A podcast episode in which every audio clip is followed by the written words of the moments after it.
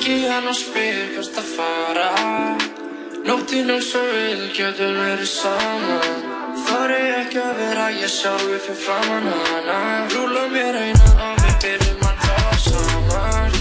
Tala saman, alla virka daga, millir fjögur og sex.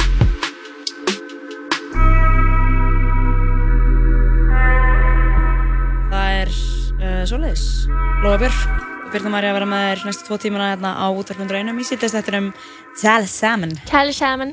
Snakk saman. Við verðum hérna með smekk fullan þátt. Hann hefur sjaldan, að hann hefur eitthvað oft verið svona um, fullur sko, en í dag er Hann- hann mjög fullur. Hann er Það skemmtilegur í dag. Mjög ok. skemmtilegur, fjölbreyttur. Hann Uh, er fullkominn en en hann er ekki tala saman. hann er fullkominn en hann hlustar aldrei á tala saman. uh, nei takk. Ég veit ekki alveg hvort ekki þetta. Eitthvað, Hann er fullkominn en hann er alltaf að borða KFC og hlusta á tala saman. Getur, getur að hækka smá í my headphones. Og heyrðu þér núna? Aðeins betur að þetta er fullkomið. Þú vilt heyra vel í þér. Já, ég vil bara he heyra bara svona ógeðslega vel í sjálfur mér, sko. En Lóa, fyrir maður að segja dagskona. Sko, eftir örskamastund. Já, þá- eftir örskamastund. Þá kemur, já, algjör peppari. Pepp Stuðpinni. mistari, Það eða ekki? jú, Guðni Ljósbrá sem ætlar að koma hérna til okkar og tala um Oktoberfest. Ætla þú Oktoberfest? Uh, ég er eitthvað svona pæl í því. Ég, já, ég held að eftir þetta viðtal þá mun ég já, vera leiðin á Oktoberfest. Ok, veitu, hvað er Oktoberfest? Það er eitthvað svona uh, tónleikar fyrir utan HÍ, eða ekki? Jú, þetta eru tónleikar sem að eru bara á háskólasvæðinum hjá virtasta háskóla landsins, Háskóla Íslands. Ok, vá, er hann virtasti háskóli land? Nei, ok, skólinn minn en, og marga aðra, annara, en þarna allavega um, þetta er bara þryggjadaga veisla Já. partistuð, þetta er úti þetta er náttúrulega, er svona þú veist, Oktoberfest er náttúrulega, hvað, þýst dót, Oktoberfest ég kann ekki að segja þetta á þýsku Oktoberfest. Oktoberfest. Ég, ve- ég veit ekki alveg eða þú veist, já, jú, þetta er þýrst dæmi sko. En af hverju er þetta í september? Ég hef með svo marga spurningar er- sem hún Guðni Ljósbrá ætlar að svara hérna þegar hún dettur inn í hús eftir örskama. Eða það ekki? Jú, við hérna, förum yfir þetta, förum yfir dagskrána, það er heljarna dagskrá, Bubbi er að fara að opna þessa hátíð, held ég, allavega, þetta er, Hann ætlar að byrja á einni löflettri fíknisögu. Við verum svona stutt á hugveki um, uh, um neyslu. en eftir, uh, eftir það, þá ætlum við að fá annan gest til okkar sem að er, já, hann átti að koma í gær, ég veit ekki alveg hvað gerðist. Sko, kemur hann í dag, það verður bara skemmtilegt að vita. Við ætlum að segja, þetta er svona óvissu faktor í tala saman í dag. Jóngnar er maybe attending í tala saman og það er bara nóg fyrir mig. Hann er, er að fara að byrja með kvöldvökur í borgarleikusinni, það sem að er svona, það er svona sögustund með Jóni. Já. Það er bara, er hann að segja sanna sögur úr sínu eigin lífi, en svona lígilegar og þegar þær eru svo furðulegar. Einmitt. Um, hann kemur hérna og hver veit að mann uh, segja okkur eina sögu, Það eina, eina tvær sögur. Kannski getur hann sagt okkur frá því hvað hann gerði í gær í staðan fyrir að vera hér. Ég veit hvað hann gerði sko Ég lappaði fram hjá hann þegar ég hef búin í vinnunni Ó, ok. En þannig að ég er ekki mynd svona típa sem myndi lappa upp að þér og vera eitthvað svona Jó, okkur mættir ekki viðtal til mín aðan Heldur bara svona Lappaði ég bara heim til mín og, og hætti að hugsa um það En hann kemur í dag Já. og það verður mjög gaman að fá hann eða í heimsók til okkar. Já, það verður mjög gaman Og eftir því þá erum við að fá annan listamann til okkar uh, Snorri Ásmundsson, hann er myndlistamæður Hann er að fara með gjörðingi Egilsvöll Og uh, það er eitthvað crazy sko Ég hlakka til að heyra allt um það Hann er frá hann Snorri Vissur það? Nei. Hann er akureyskur uh, myndlistamæður Og svona gjör, Alrighty. gjörningalistamaður líka Málari, eða þú veist, málar Já. Ég, ég, þú veist, þannig að maður vill ekki segja kannski málari og því að þá hugsa fólk, já, hann málar hús Já, Nei, meina. hann málar að stríga En það er málari vikunar hjá okkur. Já, eins og í uh, einhverjum, einhverjum podcasti Býtu, hver gerir eftir málar á vikunar? Sunnudagskvöld. Gerði það. Ég held að það sé líka eitthvað annars þar. Já Þeir eru Eh, að stela.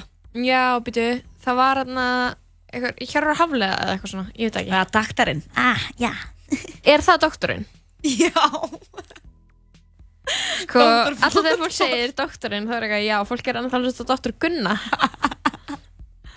Lofbjörg, where, have you been? uh, í helli En bara loka, lokuð inn í helli bara, allavega, uh, við erum uh, hvergi næri hætt því að við höfum eftir að nefna ég síðasta viðmalda þáttarins sem að verður Bjarki Ómarsson, mm -hmm. þekktur sem Bjarki the Kid og hann mm -hmm. er að efa og keppa í MMA og er að keppa næstu helgi og hann ætlar að koma inn til okkar og já, við ætlum að spyrja hann út í hvað hann stemtur fyrir hann að barda þetta er, þetta er atvinnu bardaði, hann er ekki búin að eiga marga svo leiðis, hann er bara rétt að byrja Geggjað, er þetta næstu Gunnar Nels? Ja? Fólk er að segja það sko, hann er, hann er alltaf cool. mjög góður, hann er í uh, hörkugóð formi og like. ég hitti mynda á hann í gær, þá var hann búin að taka efingu dagsins Þannig hann er svona að uh, já, koma sér í um, stellingar fyrir þessa helgi en já, við ætlum bara svona að hafa það skemmtilegt í dag við erum einna hérna bara gaman sko tvær skellur saman alltaf gaman þegar við erum saman í útvarpinu. Alltaf pepp og pepp, peppi tónlist og, pepp. og, og, og gauðra sem við ætlum að rústa.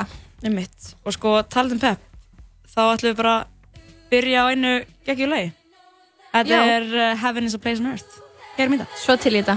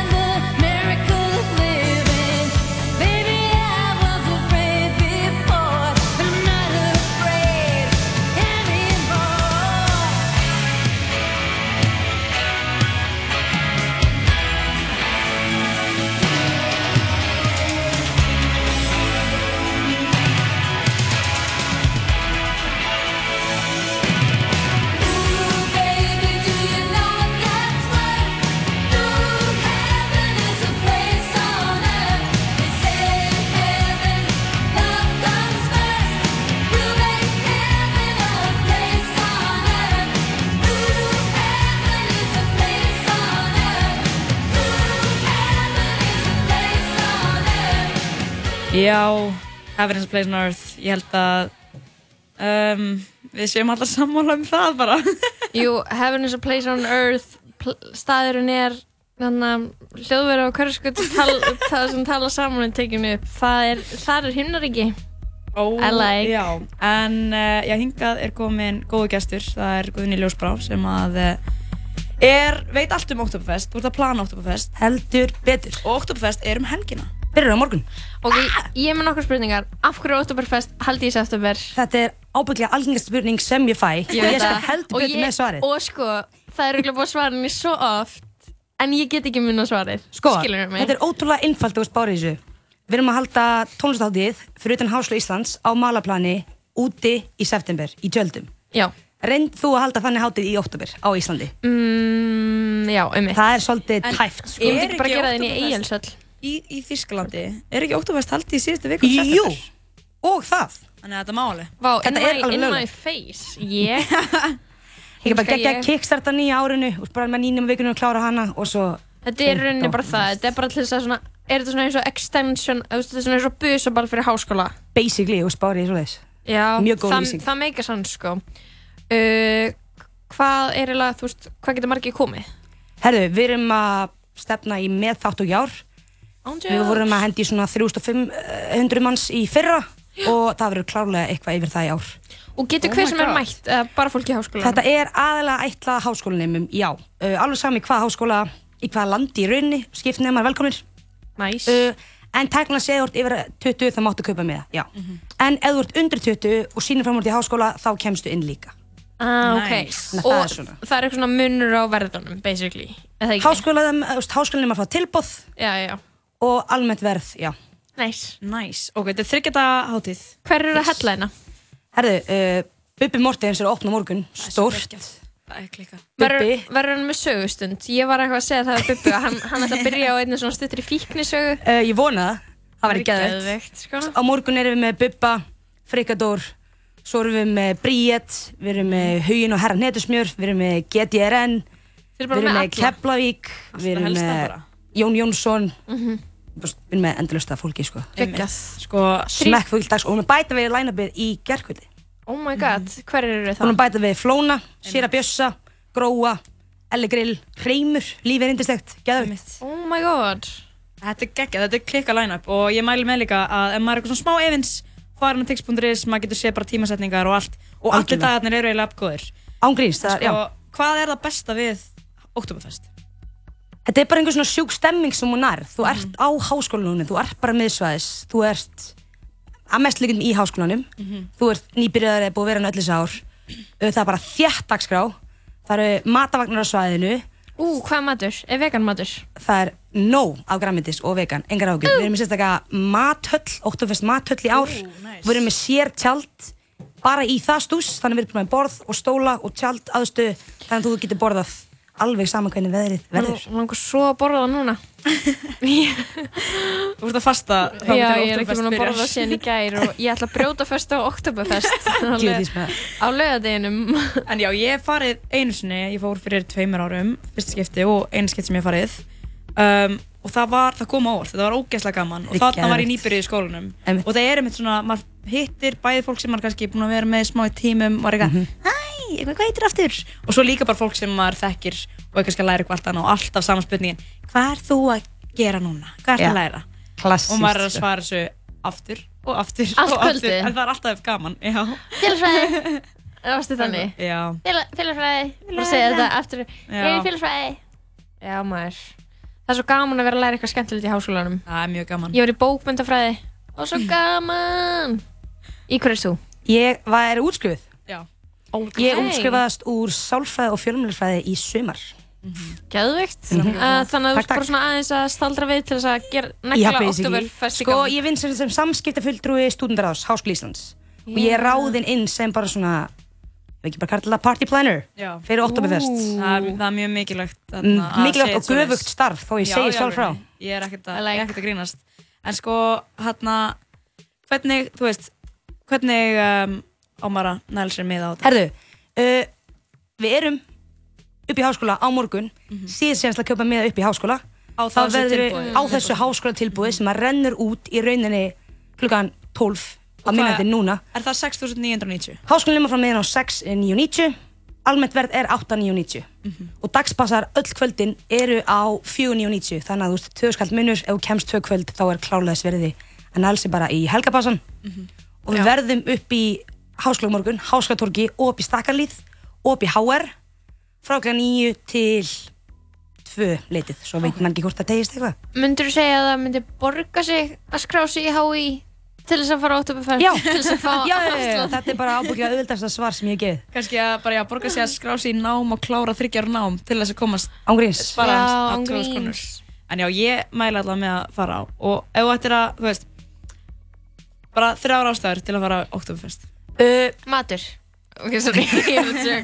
Matur er alltaf ástæð til að gera allt. Matur er alltaf ástæð til að gera allt já. Sko, ég myndi uh, klárlega að segja eitt besta line-up sem þú finnur á tónstáttu í Íslandi Fakt, Nice. slegið uh, Geggjuð aðstæð, þetta er í miðbænum, þetta er í tjöldum uh, Veðrið skiptir yngum máli, það er ekki til vond veður, það er bara til vondur klæðinaður.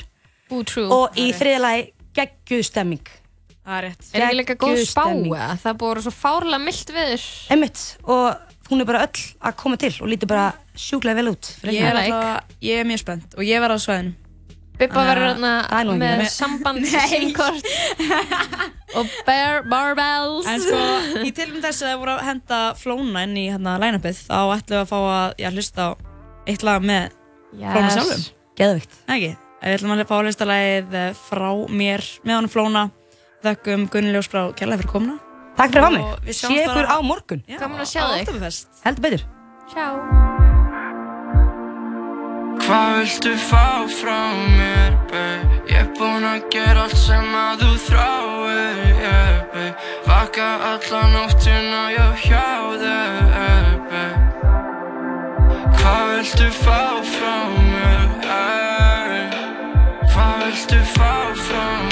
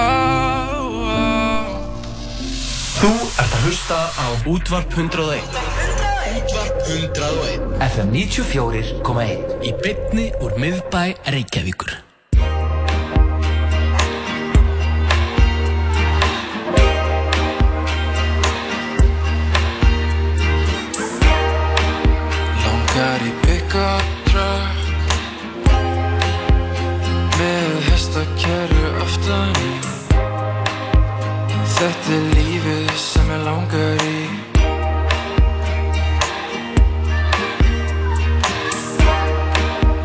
Kynast konu sjö sem að elska líka hund og ví Þetta er lífið sem ég langar í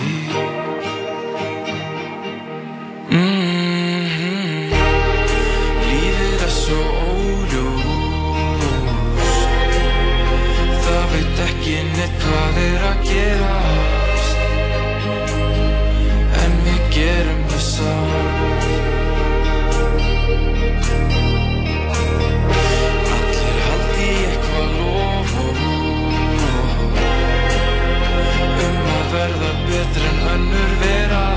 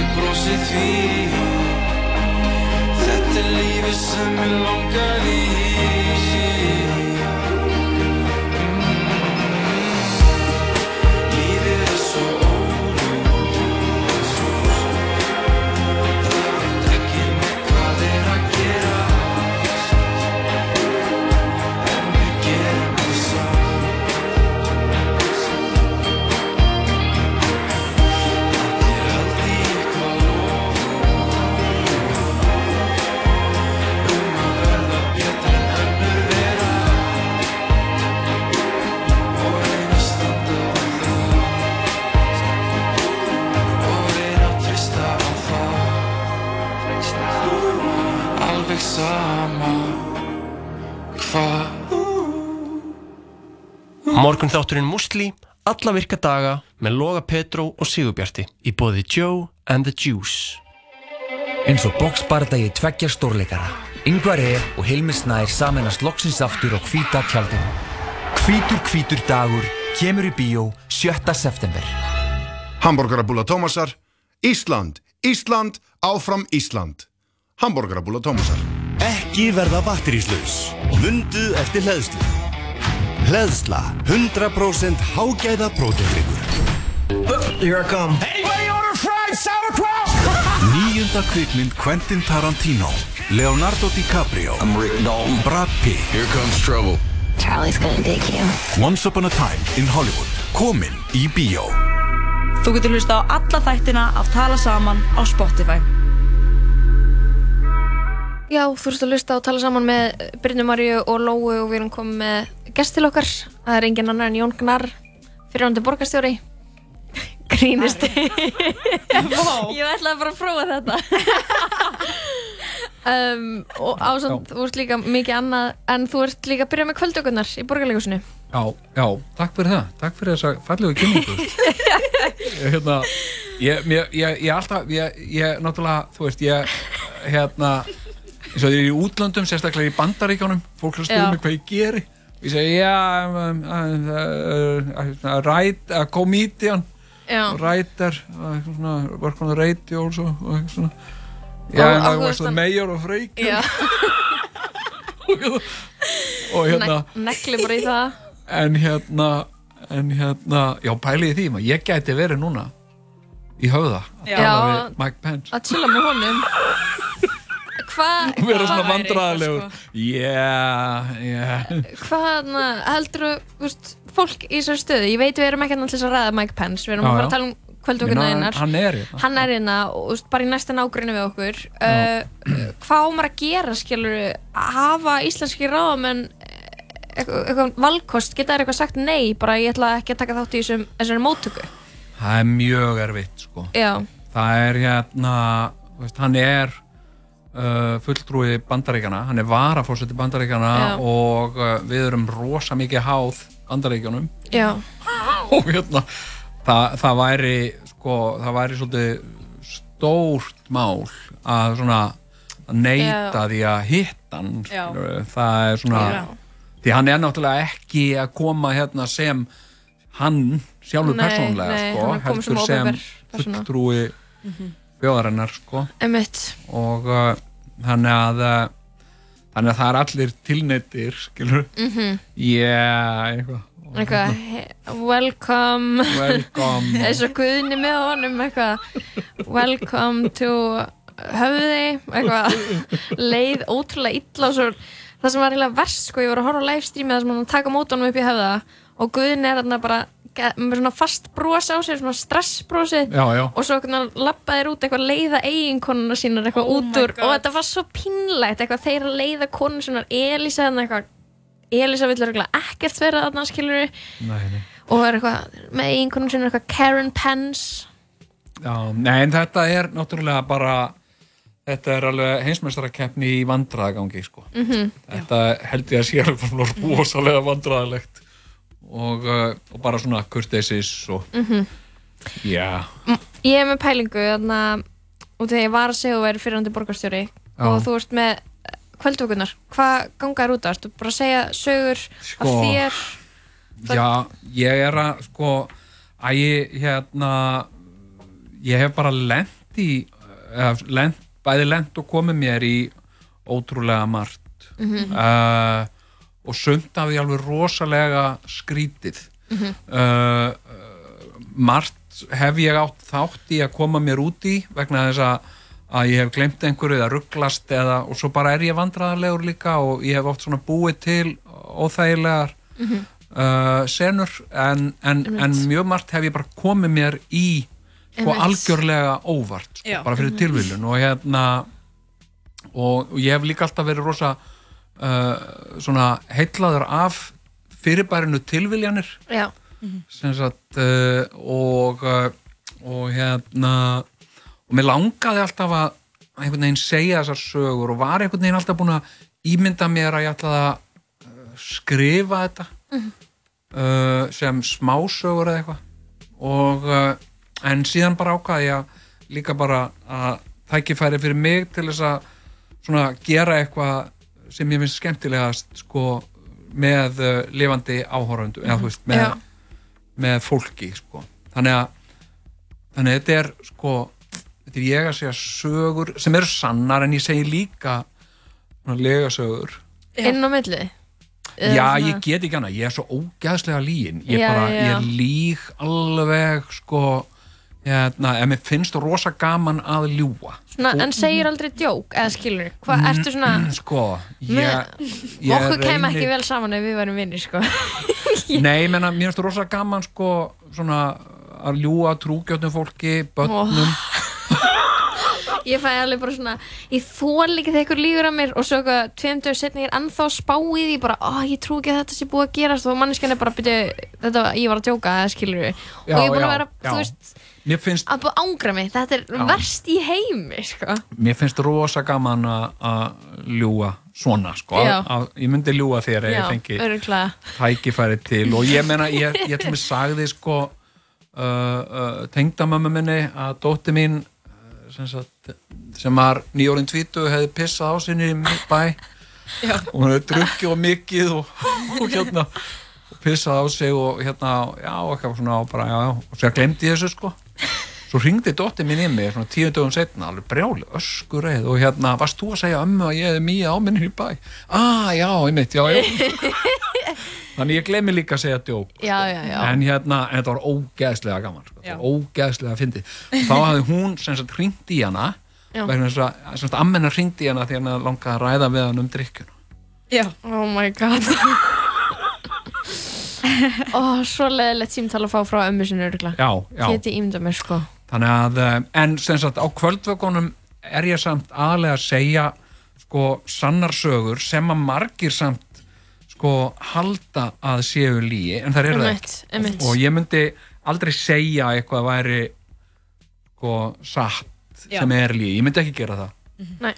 uh, en hérna en hérna og, uh, og ég er, þetta er svo mikið af sögum og það eru margar svo skrítnar sko uh, að ég er með sko uh, hérna svona uh, kjúmiða Já. í, í skál Ok. og ég leiði fólki að draga sagt, þannig að þannig að það er aldrei sömu sögurnar sögurnar sko. Einmitt, þannig að þetta er þú veist, þetta er smá stand-up sko Já. en samt í leikhúsi sko, þetta er ekki leikrit Nei, þetta er ekki með síning, þetta er bara kvöldvaka Þetta er bara, já, mér finnst kvöldvaka svo fallegt orð það er svona Já. gamalt íslenskt Mhm. og, uh, og svona vaka á kvöldin og, og tala Mhm. saman og gera eitthvað skemmtilegt Mhm, Það er líka alltaf eitt sem að segir flesta sögur á kvöldökunni sko. já, Það er alltaf svona sögumenn sko. já, já ég, ég er svolítið einn af þeim Mhm. ertu góður sögumæður? Já, ég er rosa góður sögumæður. Ég hérna, sko, það er svo mikilvægt að segja sögur rétt Já. og svona, þú veist, svona planta ákveðnum hlutum, draga upp svona ákveðna mynd en Mhm. klára ekki sögun alveg strax, Mhm. sko, Mhm. að ég eitthvað svona punchline, eitthvað sem að kemur á óvart og, og hérna, og mér finnst rosa gaman gaman að segja frá, sko. Segir oft, þú veist, sömu sögurnar Ertu með svona rútinu í matabóðum eins og, eins og pappi minn, hann, hann er með nokkra sögur, svona go to sögur sem er hann þegar hann var hann á okkur um ísbrjóti og það kom hann ísbrjót skilur og hann var að gefa þú veist, það er alltaf eitthvað svona sama sagan sem hann fer aftur í ís, sko Ertu, ertu með svona þannig sögur? Ég er náttúrulega, þú veist, ég, ég myndi ekki segja ég væri gammal kall, en þú veist, ég er að verða það. Við getum, við getum alveg sagt að þú ert gamall kall Ef þú vilt ekki segja það þá getum við sagt En hérna, já, ég er, ég er rosa mikið að segja sömu sögurnar og, Búin að gleyma Og- hverju maður er búin að segja já, og- börnin mín, þau, sem sagt, þetta er bara svona reglulega í okkar samskiptum.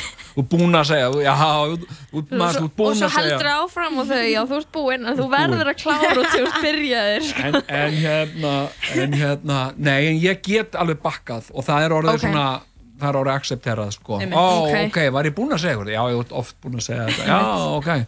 Hérna, þannig að, uh, að, já, ég segi mikið, þannig ég er orðin góður oft í að segja sumar sögurnar, sko. Ég að Já. segja þær svo oft, sko. Sko, nú hérna held ég að ég sé ekki einn sem er að hugsa þetta en myndir þú vilja segja okkur sögu þetta eftir? Já, Það er ekki að vera það löng, sko. sem að ég er að segja hana Bara hvað sem er. um, Má vera ykkur sem er ekki þar að þú vilt ekki spoila, skilur þú?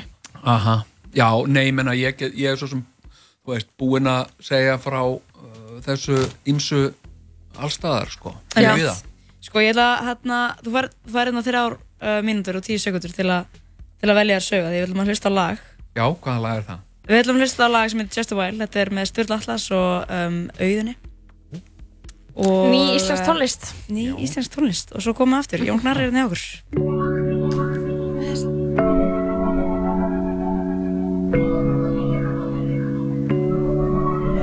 I'm losing patience, I'm on it, going all in, I want it, oh, I want you. I feel like I'm falling, she got hips and I'm coming, oh, I want you. I'm on the stage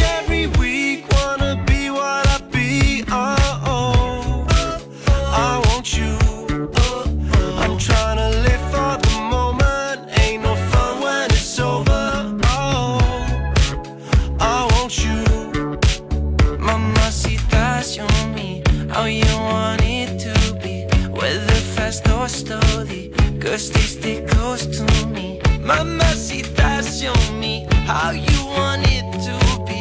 Stay, stay, stay close to me. Stay, stay, stay close to me. Just a while.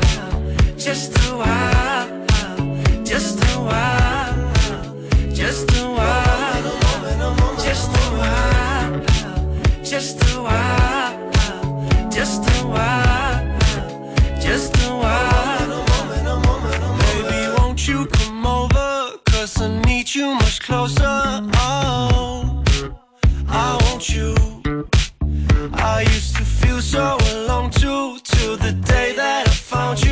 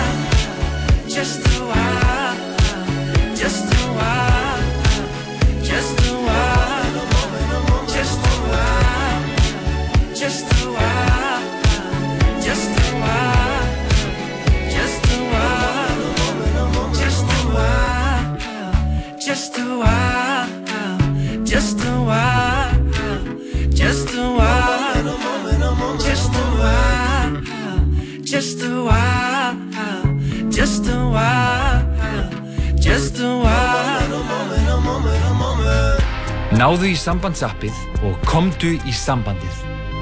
Sambandið. Símafélag framtíðarinnar.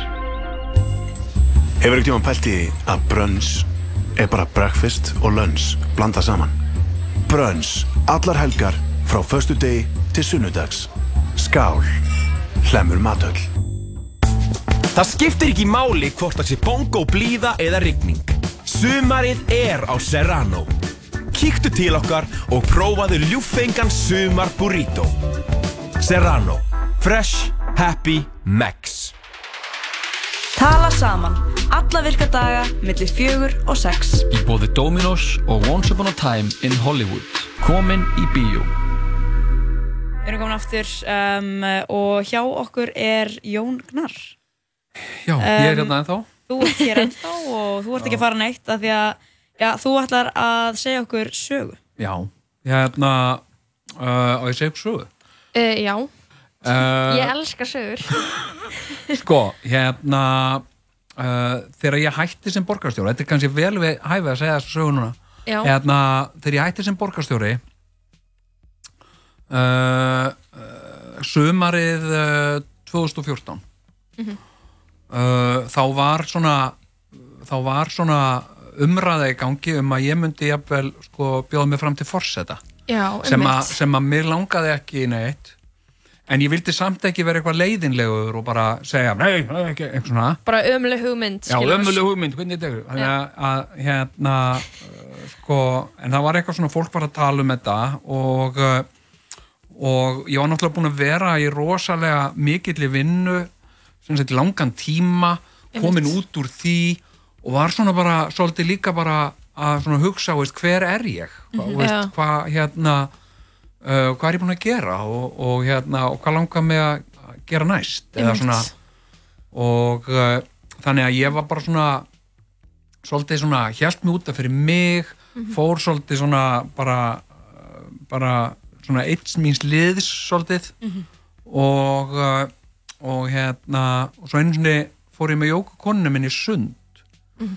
uh, sem að bara ég geri oft sko og fórum í vesturbæjarlaugina og uh, fórum í heitapottin og og við fórum að donni og onni pottinum sitja sem sagt, uh, ungkona svona 20 og eitthvað uh, maður svona 35-40 ára og svo beint á móti okkur situr alveg bara svona eldgamall maður Mhm. Já. en samt svona, þú veist, svona, svona fitt og flottur Mhm. svona, hérna og, og ég var ekkert að mikið að gefa aukkontakt eða neitt, ég var bara svona eitthvað að horfa út í loftið og bara minding my own business, svolítið.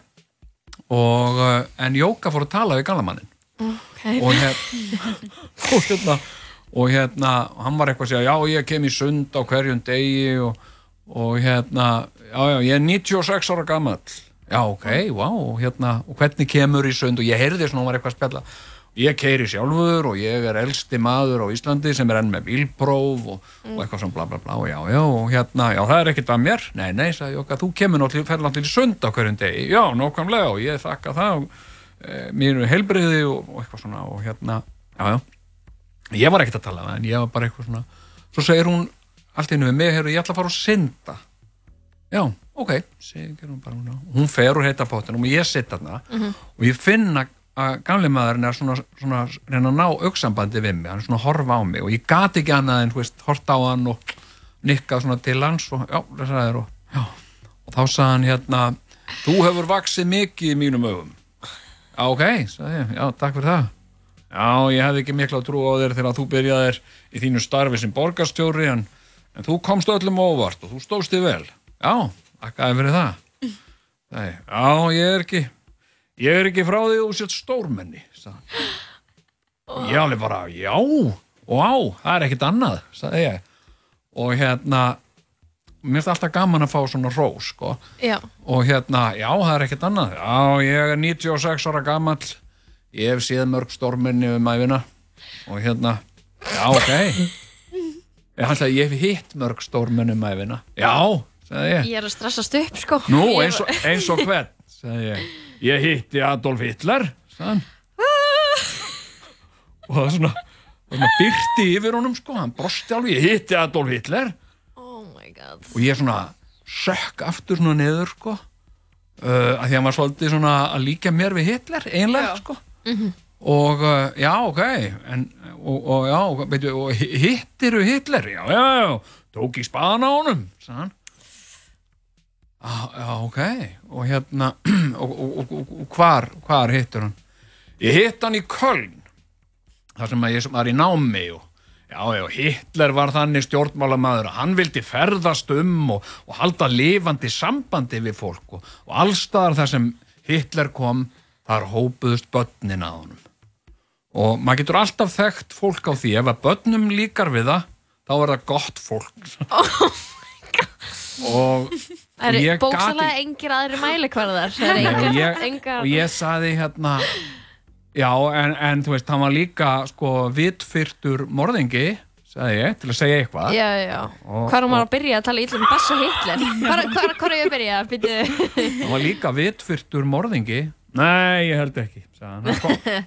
Hann kom mér ekki þannig fyrir sjónir nei, ég held að það veri meira fólki í kringum hann og hérna og þetta var svo skrítið, það var svo þægilegt Já, og hérna og ég hérna spurði hann eitthvað, já ok, og, og hvað og hérna, varstu þarna í Þískalandi í stríðinu eða eitthvað? Nei, nei, við þurftum að flýja og, og hérna, já, já, ég var í haldi gestapó í þrjá daga.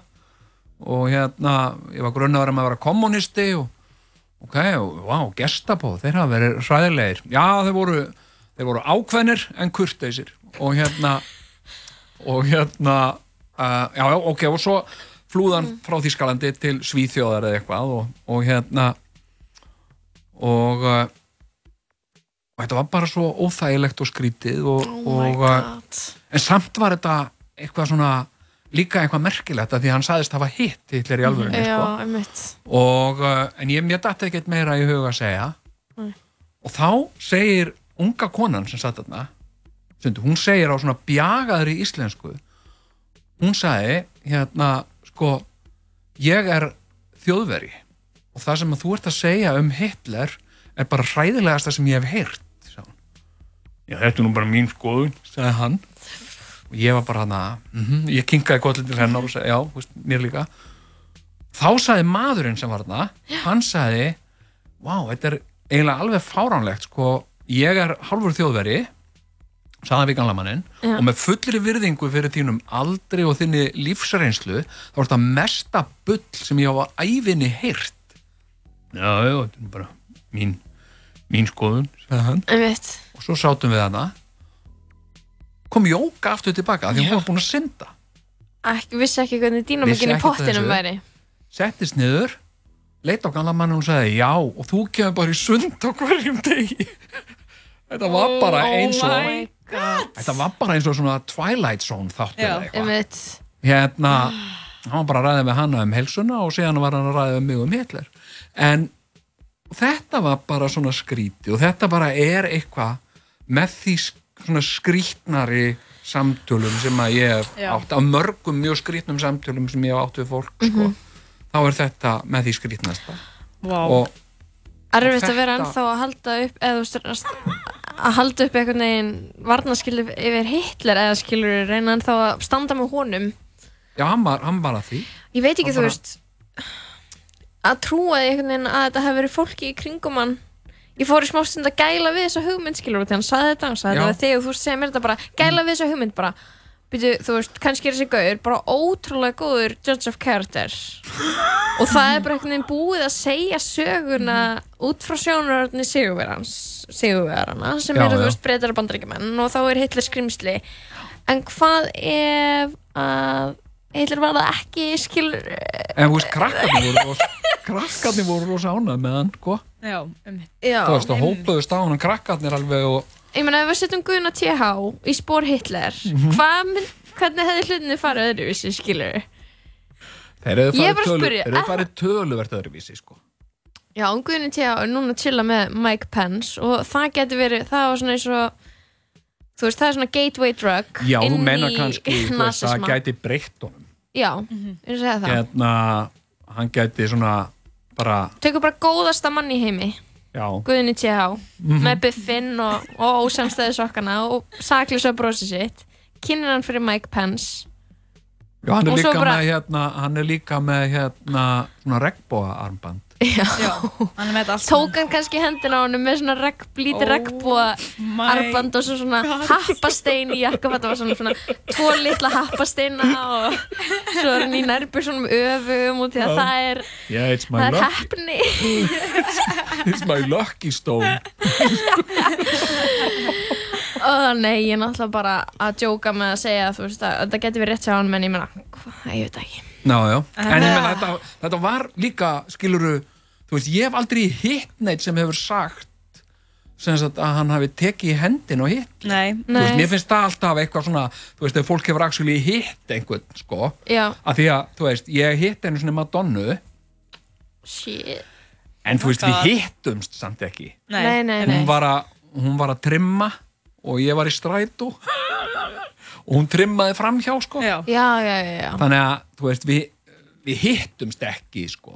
En, en, þú veist, hefði ég tekið hendina á henni og, og sagt Jón og hún hefði sagt já, Madonna og Sæll og eitthvað svona Mhm. þá hefði við getað sagt, skilur við, Mhm. ég, ég hitt hana Það er ekki spaðan á okkur sko. Það já, er, já, þannig að, þannig að hérna, mér fannst það svona merkilegt en líka eitthvað óbóðslega óhugnalegt sko. Mhm. þannig að þetta er svona, þetta er til mér eina af þessum sögum sem að, sem að ég er að segja þetta er svona, þetta er svona eina af svona stittir í sögunum mín Já, það. Mhm. já, já. Þannig að kvöldvökur í borgarleikusinu, hvað, byrjar ekki á föstudaginn? jú, Er það ekki? byrjum á föstudaginn og Já. svo aftur á lögadaginn Já. og svo verður þetta eitthvað bara on og off í vettur sko eins og, eh, eins og fólk nennir að koma á þetta Ummitt. Það er Og þarna er þetta svona, einmitt, svona sögur Dreiður, eins og dreiður skál, svona áhörundur draga, miða, eða ekki? Já, já, en svo, sko, svo ger ég líka eitt sko að því að ég segi líka, þú veist, fólki að, að, að því við leggja svo miklu áherslu á að Mm. þetta eru sannar sögur, ég er ekki að búa þetta til, ég er ekki að ljúa ykkur að ég hafi hitt eitthvað gæja að Já, því sundi, ég er ekki að ljúa því. Nei. og hérna og hérna, sko og það eru öðruvísi sögur. Og ég ætla að gera það kannski eitthvað setna, segja bara legasögur. Já. Mhm. hérna, svona alveg bara til að mjölka þetta alveg. Bíddu- bara, bara segja líka sögur Ég var að spyrja, er sagan af, af konuðinni og atna, bílslýsinu og peningunum og öllu því, er það satt eða lí- Nei, það er allt saman satt. Þa, það er sko, þú veist, ég myndi aldrei segja, sko, mér, þú veist ég dreg, að ég meina, þú veist strákurinn minn, sko sem er núna 14, þegar hann var 10 Mhm. þá var hann eitthvað eitthvað að pæla í, í dópi hann hafði eitthvað verið að horfa á eitthvað YouTube-vídeó eða eitthvað Mhm.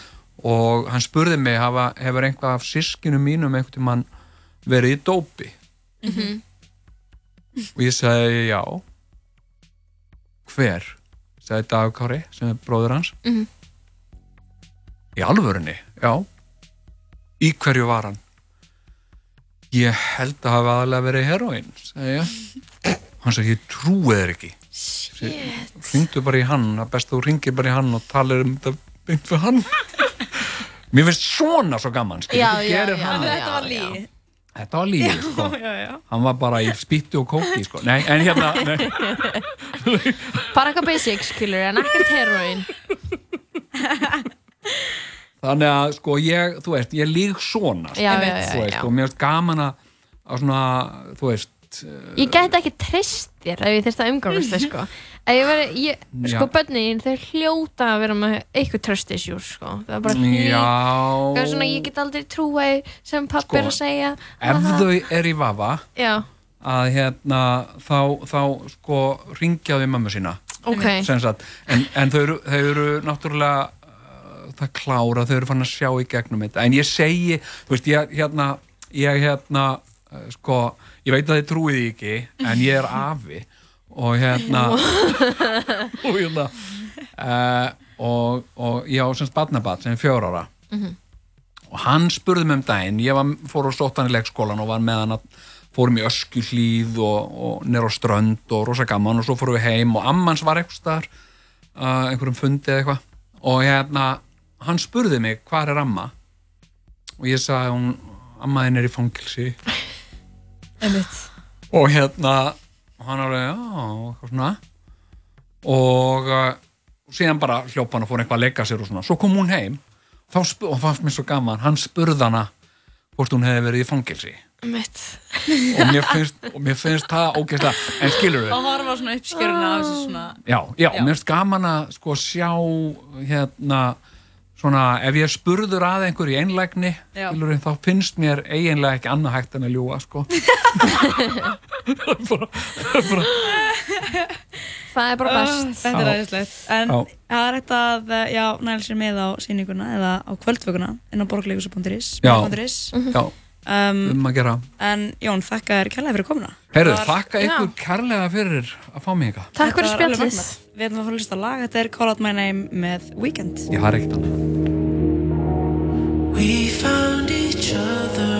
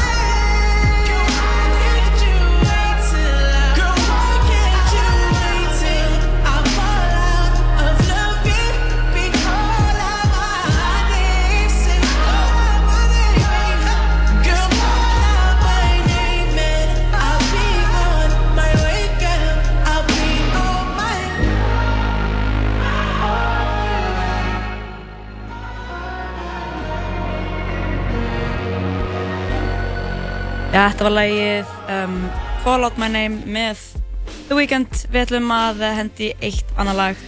Þetta er DJ Khaled og Sissa með lagið Just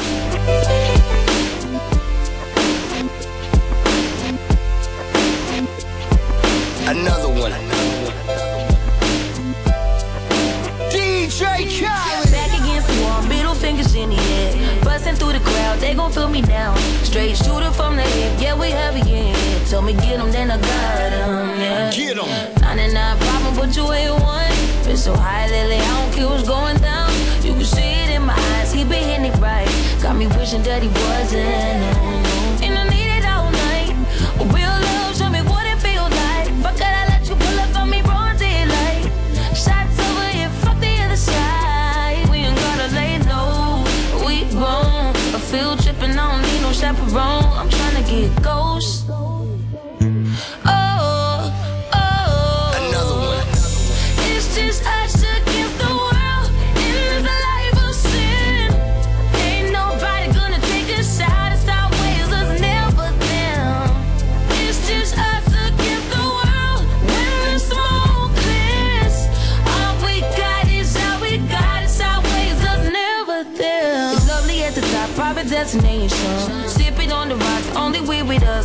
Kind love dangerous when it's nothing else to lose. So don't make me wild out. No. Got 99 problem with one more.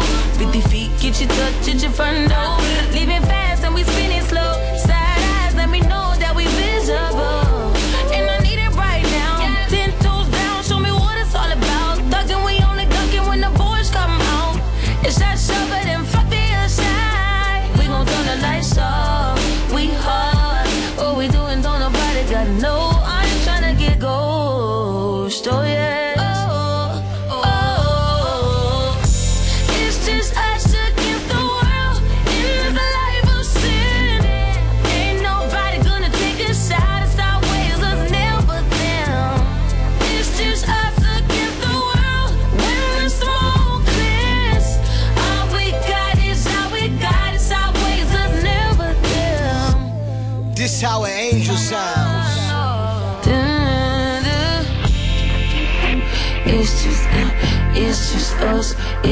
Us.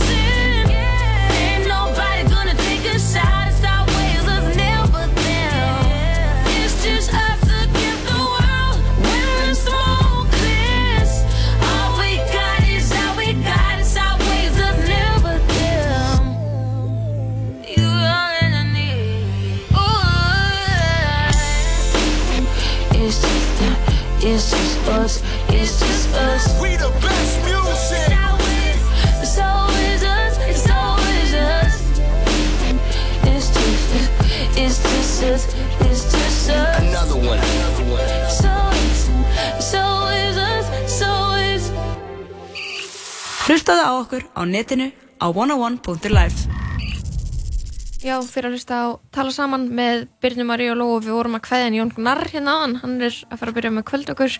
Hún kom með annan listamann í húsið það er hann Snorri Ásmundsson.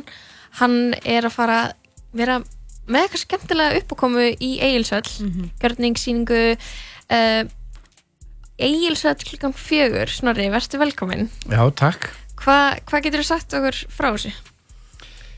Já, hvað getur sagt? Ég, hérna, uh, hann Master Hilarion er, er, er, er hérna, meistari eða, eða vendarengill, engill sem er unni fyrir aðra erkengla. Hann er, hann er, hérna, hann er, var prestur á Atlantis í, í musteri sannleikans Ok. Hann er, og svo endurholkaðist hann í Páli Póstula hann það er svona, menn, menn vita hann hefur svona endurholkast í gegnum tíðina en núna þetta er hann að að líkamnast mér á sunnudaginn Ok, þannig að ég er að taka og, og að mér þetta hlutverk eða, eða, eða er kannski, má segja að ég hefi undirbúið með undir þetta hlutverk alla mína tíð sko. emitt Hvað, ná, þú verður í Egilsöll Akkur, akkur vilur í Egilsöll?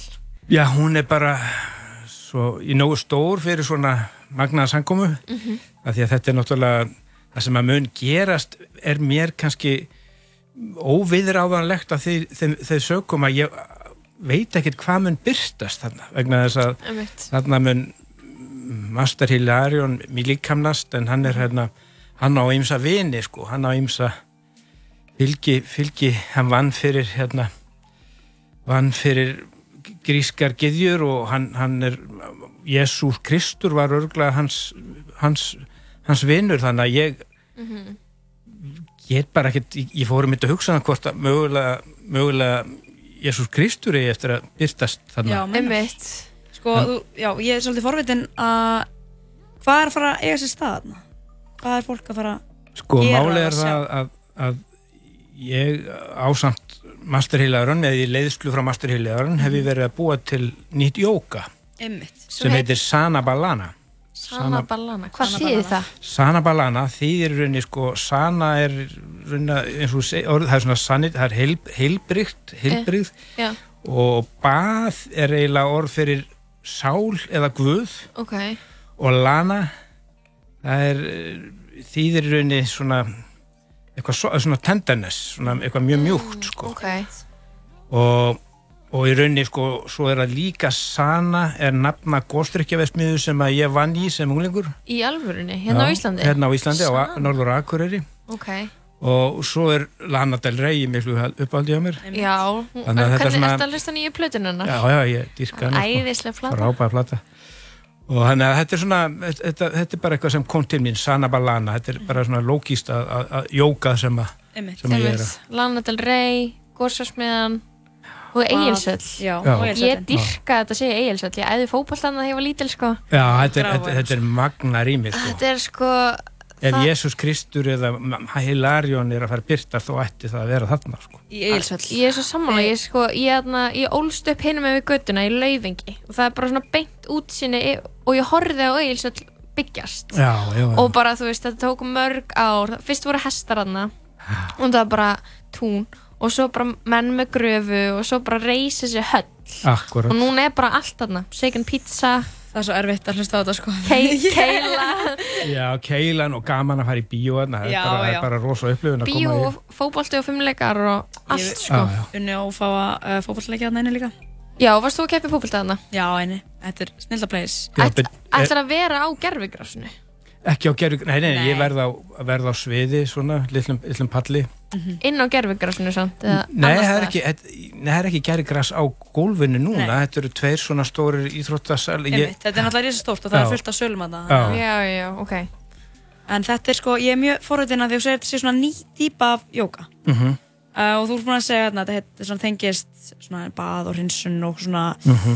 uh, en hvernig jóka er þetta? Er þetta, þú veist uh, rólegt, er þetta flæði, er þetta Þetta er, ég myndi nú segja að þetta væri flæði, sko, Já. þetta er Mhm. rólegt og þetta er flæði en, en svo er þetta líka alltaf styrlað, sko. Já, ok Er þetta eitthvað svona, þú veist, ert þú, ertu með eitthvað jókagrunn? Er ég með, ég, ég hef svona, ég verið, ég fór, ég var, þegar ég var, ég hef verið í jókatímum, fer svona reglulega í jókatíma, bara á World Class og svo hef ég, fór ég til Kaliforníu og á Rama Institute, þar sem að Guru Jagat er með tíma og ég fór í nokkar tíma hjá henni, hún er svolítið mögnuð sko og hún eiginlega inspýraði mér svolítið í, í, í þessu sko, hún er svolítið svona inspýrandi í, í það sem að ég er að, að fara að gera þarna sko. Ertu búin að vera, þú veist, að pæla í þessum andlegu málefnum bara lengi eða kemur þetta svona se- að- að- seinni tíð eða? Ég er me- meira gerandi heldur en pælari sko. Ég er ekkert Ok. endilega að grúska í hlutum en ég er svona á mikið af andlegum vinu sem segja hafa oft sagt við mig sem ég er undir veit að, að ég er ekkert mikið, ég er bara rosalega andlegur, ég er rosalega tengdur. Einmitt. Ég er svolítið beintengdur inn í alheimsvitundina og það Mhm. er auðvitað eitthvað sem allir geta rauninni en, en það sem að e, gerist þarna sko það er, sko, Master Hilarion kom inn í líf mitt, sko, fyrst þegar mér þegar það var mynd, sko, teikning sem að hafi minn átti Mhm. viltist til mín og þess að var hjá mömmu þegar mamma, afi var dáin og ég spurði mömmu hvað mynd þetta sé og, og hún sagði að þetta væri nú eitthvað svo hommaleg mynd hún vildi nú ekki vera með henni upp á vegg og eitthvað, þetta var svona fíngerð teikning af, af manni og ég spurði bara hvort ég mætti ekki eiga þessa mynd og, Mhm. og svo hengdi ég hann upp á vekk hjá mér og, og daginn eftir ég hengdi hann upp þá kemur vinkona mín sem er bókmæntafræðingur og hún gapir á þessa mynd og fær svona bregður í brún og segir hvar fegstu þessa mynd? Og ég segi henni það og hún segir ég var að horfa á þessa mynd í bók í gerkvöldi og þessi bók er ófáanleg. Hún var gefin út 1840 eitthvað og, og pappi mig þurfti að fá hann að lána það bóka í frímúrara en það er náttúrulega kannski þegar ég fór að hugsa þetta lengra afi var frímúrari og ég veit ekki nákvæmlega hvað gerist innan frímúrarana en, Nei, guð, En- það veit enginn. Nei, en, en svo hann, hún prentaði þennan kapla fyrir mig um þennan mann og hann, þá, þá kemur það í ljós að þetta er Master Hilarion. Já. þannig að hann svona er búinn að vera inn á vinnustofni hjá mér alveg síðan Já. og síðan hérna, hefur hann komið svona reglulega ég gaf út bók fyrir nokkrum árum eða tíu ára síðan sem hétt Beauty Swift Generation Revolution Mhm. sem var um kynnslóðuna sem er kynnslóðuna eftir sko uh, ég veit ekki hvort þið þekkið Indigo börnin og, og, og hérna og kristalkynnslóðina en svo kemur þessar Beauty Swift Generation sem er svona kynnslóðin uh, ég er svo kynnslóð sem að veit alveg upp á hár hvað er að gera hérna í þessari jarfi sko Ok. Og það er alveg alveg, alveg tengt sko inn í alveg og það, ég veit ekki hvort nema þið séu af þeirri, ég átta mig ekki á því sko en- Hvað eru indigo-bönnin? Er, er, það, er það ekki eitthvað svona það- eh, börn sem eru svona, svona næm og Jú, mjög, mjög næm og, og einmitt, mjög, mjög vakandi og tengt sko. Mhm, mhm. Þetta er alveg, en sko ég hérna uh, Þetta er núna á sunnudaginn Já, nei, þetta er á lögatæn Þetta er á laugardaginn, Já. já. Fjör, uh, í Eilsöll Já. og hvernig getur maður nálgast svona frekara upplýsingar? Já, þetta er náttúrulega sko, þetta er á vegum sko listasafn Reykjavíkur Einmitt. listasafn Reykjavíkur hýsir þetta er unni, þetta er partur af partur af síningaru sem heitir sko list í almannarími Ah, einmitt.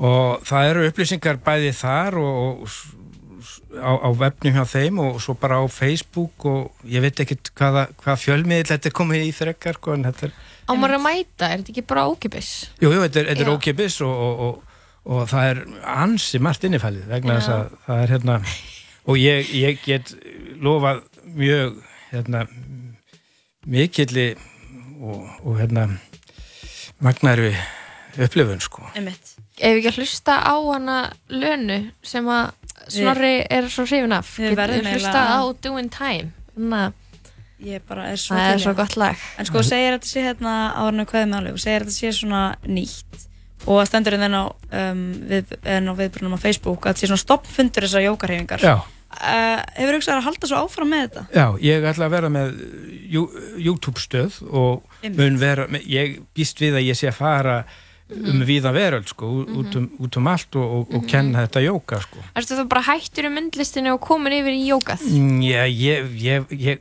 ég er mikið grein fyrir því, ég er bara að fara að taka þetta, þetta skref og ég átta ekkert hvert, hvert það leiði mig sko. Ég, ég hef tekið alls konar skref á, á lífsleiðinni sem að hafa leitt með eitthvað og, Mhm. og ég bara er mjög svo rosalega tilbúin, ég er Mhm. rosalega tilbúin til það að verða Master Hilarion sko. Og, og eru Íslendingar tilbúnir? Það bara kemur í ljós á, á lögadaginn sko. Ég finnst, ég mjög margir vera rosalega sofandi sko. Já, Og- ég er og við- sammála því sko. við erum einhvern veginn í einhverjum við, mér finnst við verið í óttalugu fangelsi hegumann sko, við erum Já. bara einhvern veginn að spekla okkur á Instagram eða samfélagsmiðlum og, og, Sem er það- gaman, sem er auðvitað rosalega gaman en Mhm. það er bara það, við þurfum að fara lengra sko, mm Og getum gert það í Eirísöld núna lögadaginn algjörlega. En Snorri, takk hérlega fyrir komuna takk sem leiðis og við sjáumst bara lögadaginn kl. 4 sáumst á lögadaginn kljóðan fjögur Við ætlum að fá að hlusta á lögnin til rey þetta er lagið Doing Time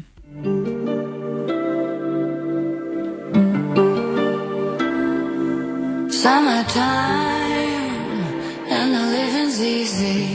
Rallies on the microphone with Ross MG. All the people in the dance will agree that we're well qualified to represent the LBC.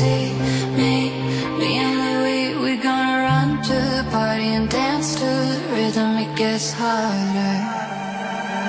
Me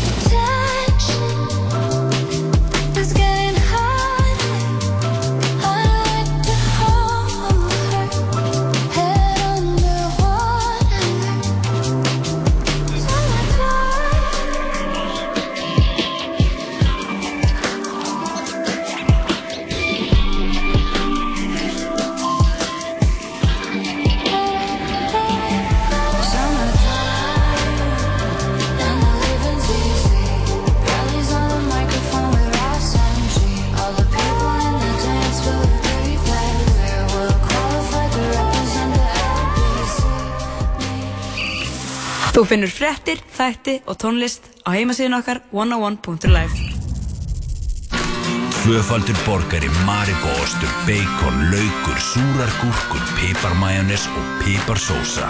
Big Trouble er nýr, stór og sterkur borgari á American Style. Pesto, avocado, mozzarella, mm, kannski jalapeno líka. Joe and the Juice, kaffi, djús og svo miklu meira. 14 stöðvar og 7 sundlöðar á aðeins 6.840 krónur á mánuði. World Class. Gommugláp og bland í póka í kvöld. Stöð 2 marathón er stútfullt af frábærum þáttaröðum sem þú getur hort á hvar og hvenar sem er. Tryggðir áskrift fyrir aðeins 2990 krónur á mánuði á stöð2.is.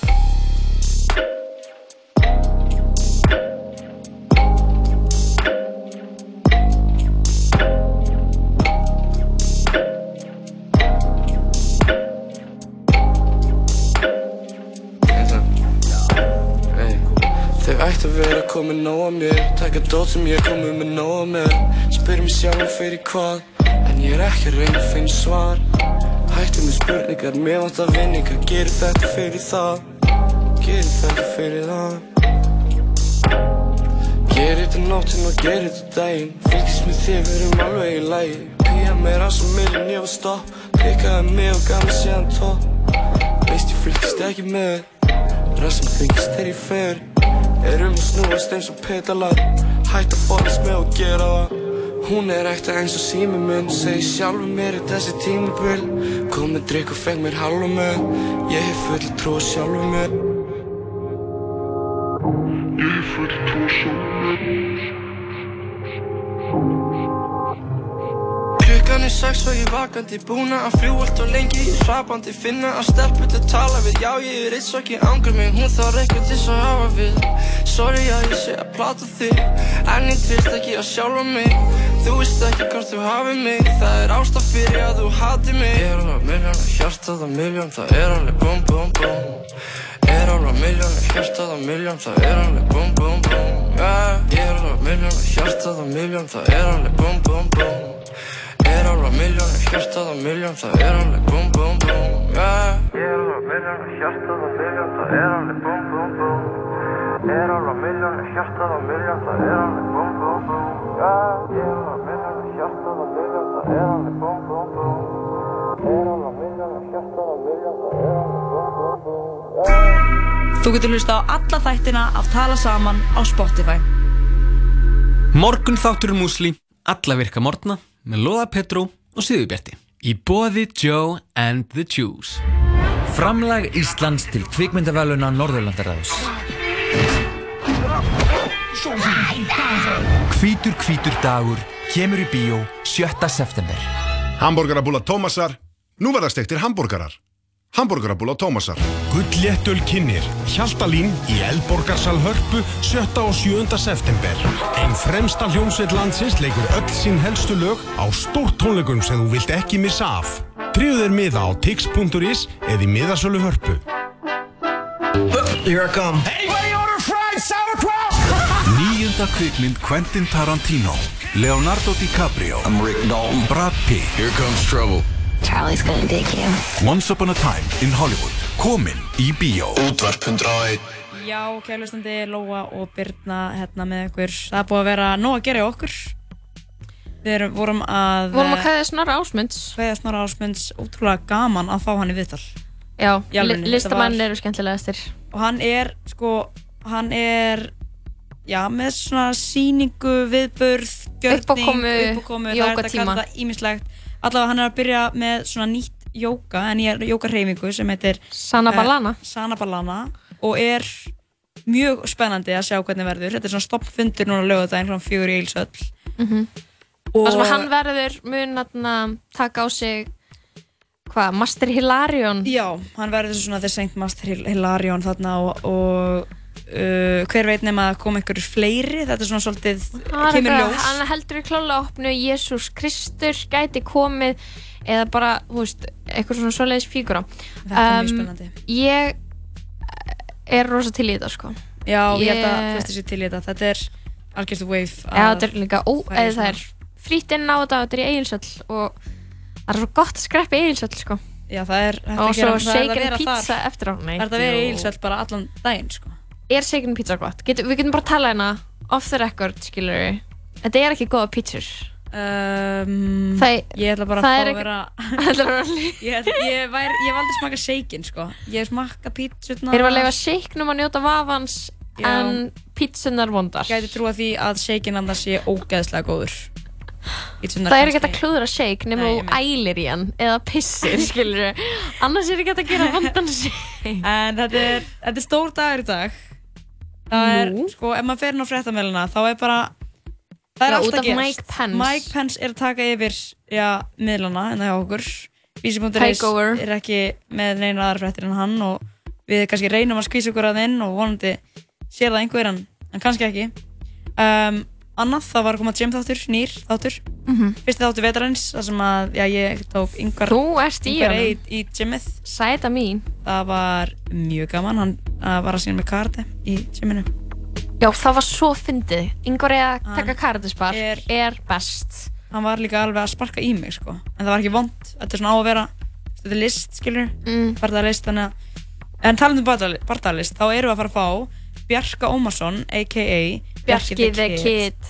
sem er, hann er að æfa og keppa í MMA, blöndum bardaðalistum. Er ennþá þannig að MMA gælur fara inn á bikini og er eitthvað Uh, já. bú, bú, bú. Í, í Get ég UFC. verið, verið þannig gæla? Uh, örglega, þú sækir bara um inn á Sækið um og svo kemur svona sveittur gaur í jakkafutum og er eitthvað Nei, hún er ekki nógu heit Þetta er fárlegt. Og þá er ég eitthvað, herru gaur Dude. Já, nei, þú veist En allavega, við ætlum Ok. að fá uh, Bjarka í smá spjall hann ég er að geti að verið í svona burku sundból Ég ætla að spyrja Bjarka út í þetta eftir En samt er þetta svo aðalega að tala um uh, hans uh, barda hæfileika Já, og bardaðan sem er framöndan núna um helgina. Stór bardaði framöndan. Þannig það verður mjög gaman að fá hann í smá spjall. Um Mikið. MMA. MMA er náttúrulega einhver klikkaðasta, ég ætla að fá að segja það, klikkaðasta íþórtin sem er til, held ég.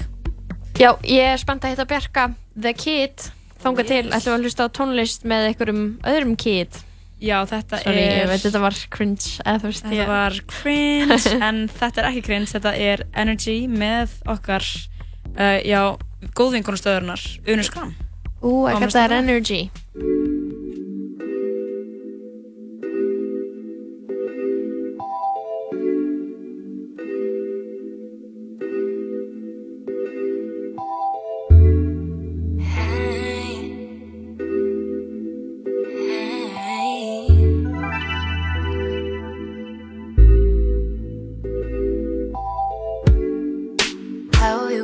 Energy you energy? running on my mind like all the time. Ooh, baby, you killing me. I love it that I get to call you mine. How you got the energy? You running on my mind like all the time. Ooh, baby, you killing me. And now you look so fine. Told you when I met you, I knew, I knew I get you, I get you stuck. And I felt it from the first kiss I get addicted to this. You're like a cigarette. And since then, we've been moving strong. Who knew it would last so long? This is like the 50th song that I write about you, baby. How you got the energy? You're running on my mind like all the time. Ooh, baby, you're killing me. I love it that I get to call you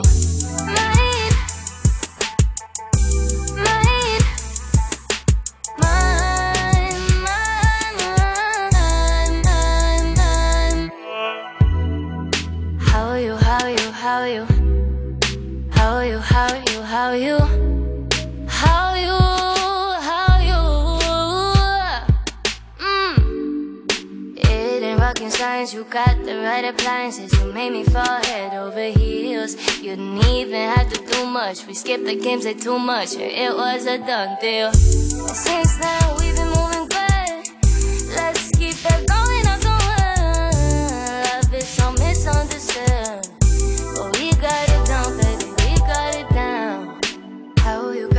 energy?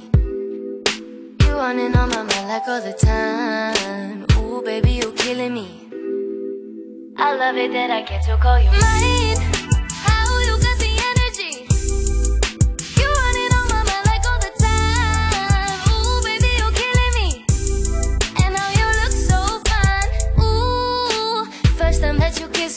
you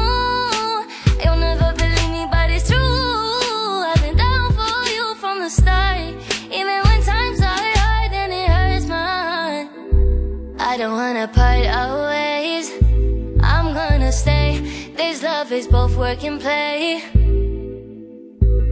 Hey.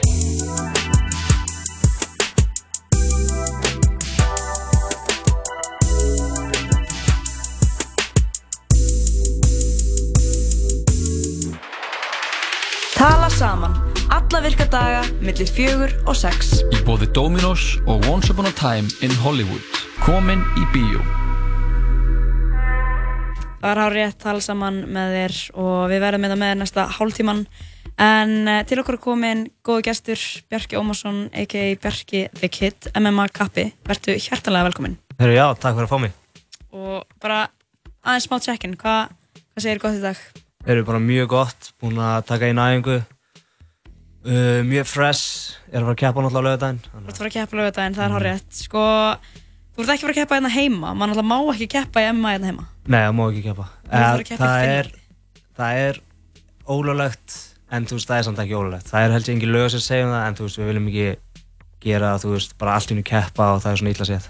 Einmitt, ekkert verið að dansa á línunni. Þannig þú ert að fara út til Finnlands að, já, keppa. Mhm. Á móti ykkur um Joel Arolainen, eitthvað, ég talaði bara með er hann finnskur? hann er Nei. finnsk. Ok. Jú, hann kann, ekki, kann ekki tala með finnskum hreim, en hérna, þessi bardagi, þetta er, hvað þá, þinn þriðji svona próbardagi. Já. Og hvernig hefur gengið núna á Eh, þessu fyrstu tveir? Ég vann fyrsta, þá keppti ég í mínu þýndaflokk sem er featherweight, sem er Mhm. 66 kg.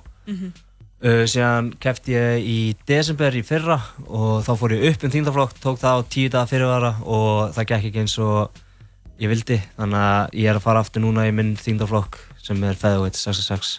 Mhm. Hvað þýðir þessi þyngd? Eða þú Já, svona, þú veist, þú vilt keppa svona í kringu þína þyngd, þú vilt ekki vera að keppa mútið allt á þungum duttum, sko. nei, mitt. Einmitt. Þannig að ég vil vera í 66 kíló. Þú veist, ég er meira en það, en ég er svona kött að þanga niður. Af því að ef ég keppi við gæja í lightweight sem er 70, sem ég gerði seinast, Já. þá voru kannski gæjar að koma niður úr 80 kíló. Mhm.